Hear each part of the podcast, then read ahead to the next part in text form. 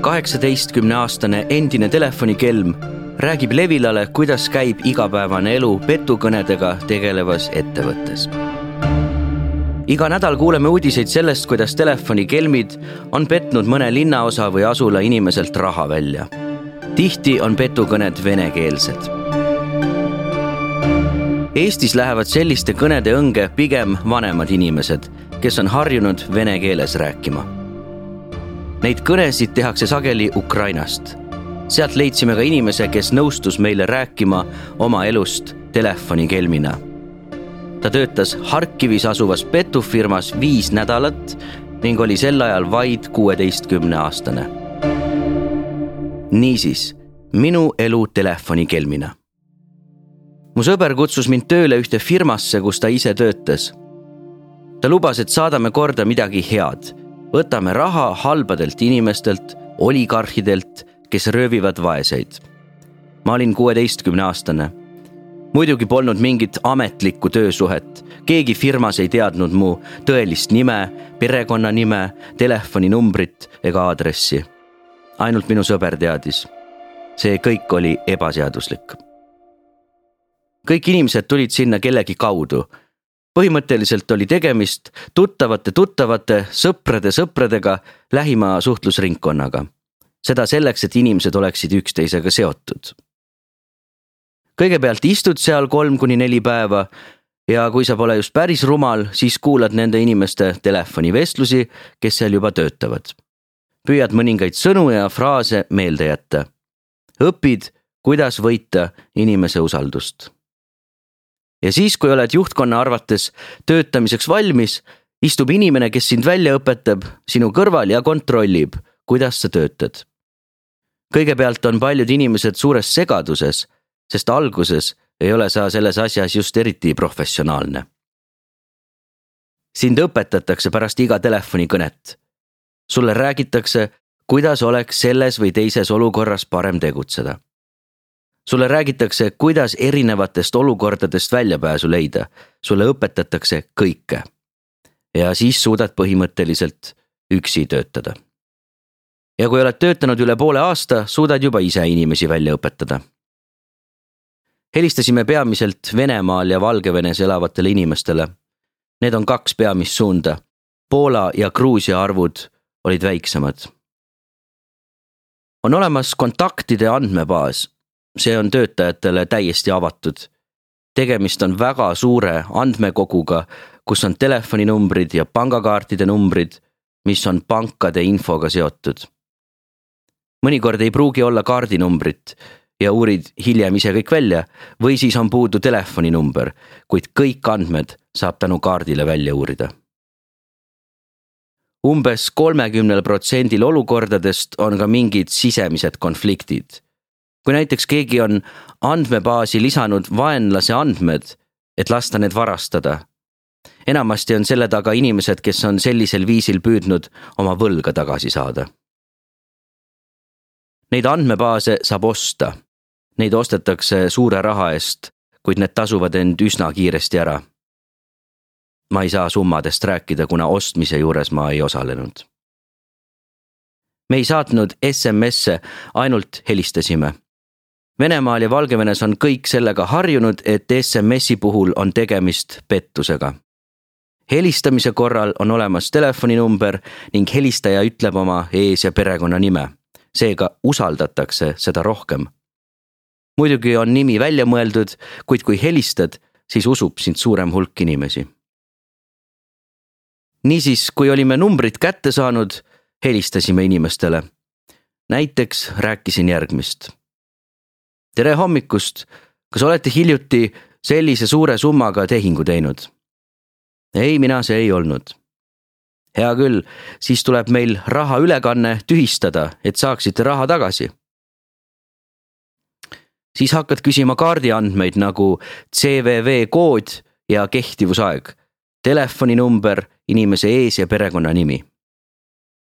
Siis kirjutad need andmed üles eraldi ostetud programmi kaudu, mis on tööarvutites ja saad täieliku juurdepääsu selle inimese veebikontole peamiselt toimis see Valgevene ja Venemaa inimeste puhul, kuna seal on kaitse kõige nõrgem mõne numbri juures seisis märkus varastada kõik nii palju kui võimalik või varastada minimaalselt. minimaalseks peeti summat alates viiekümnest tuhandest rublast.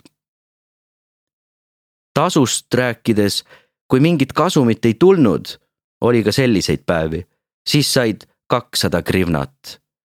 kui varastasid vähemalt viiskümmend tuhat rubla, maksti sulle viissada grivnat see oli päeva miinimumtasu ja lisaks kuusteist protsenti sinu saadud summast.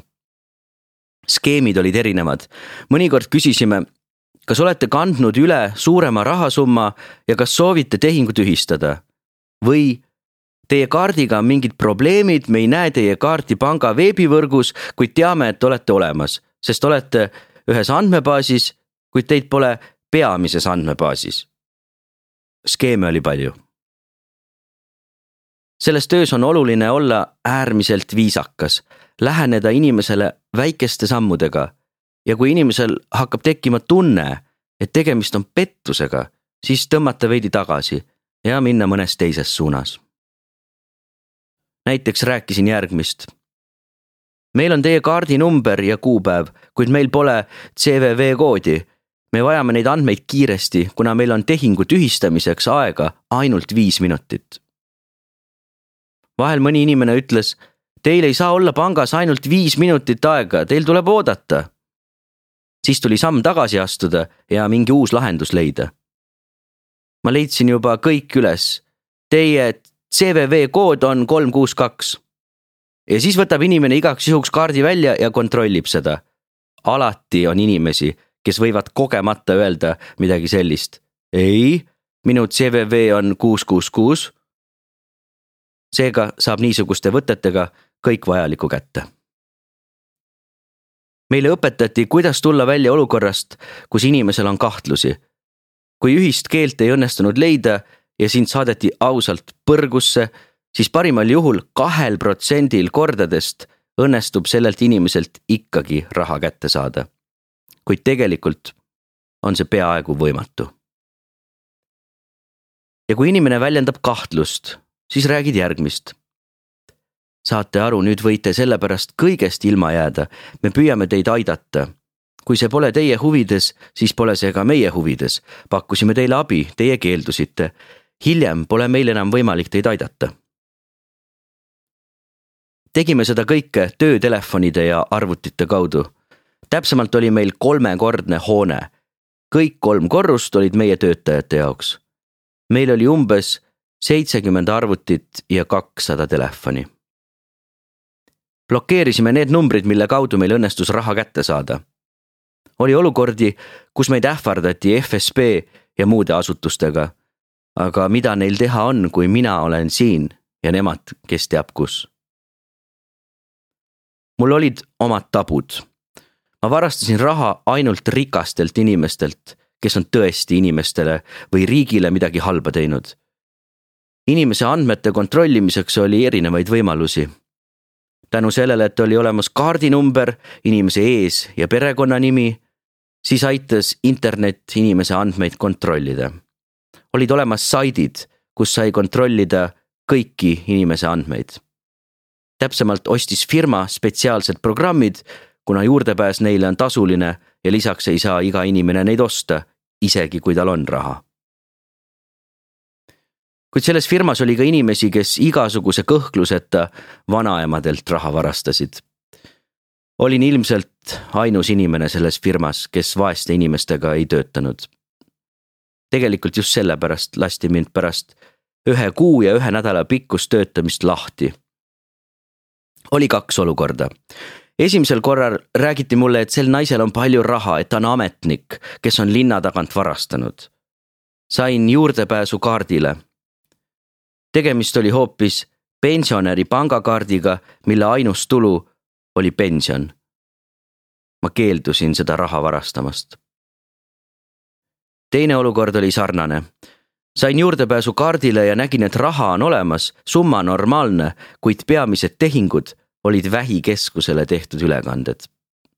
mul oli sellest naisest väga kahju. kandsin talle firma kontokaardiga raha üle ja pärast seda viskas mu ülemus mind sealt välja, nõudes, et ma raha tagastaksin. mind ähvardati linnast üles otsida ja peksta, kui ma seda tagasi ei anna.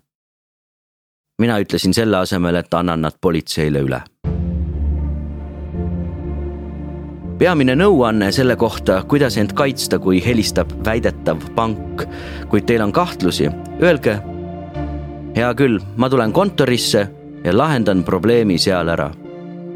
siis andke helistaja telefoninumber politseile. Nad teavad, mida sellega peale hakata. Pangad helistavad omal algatusel väga erandlikes olukordades. Nad võivad öelda näiteks teie kaart on aegumas, tulge kontorisse mis puutub aga tehingutesse, siis võite oma kontole vaadates näha, kas sealt on raha lahkunud või mitte. ja niisiis ei tasu laskuda petturitega mitte mingisugustesse läbirääkimistesse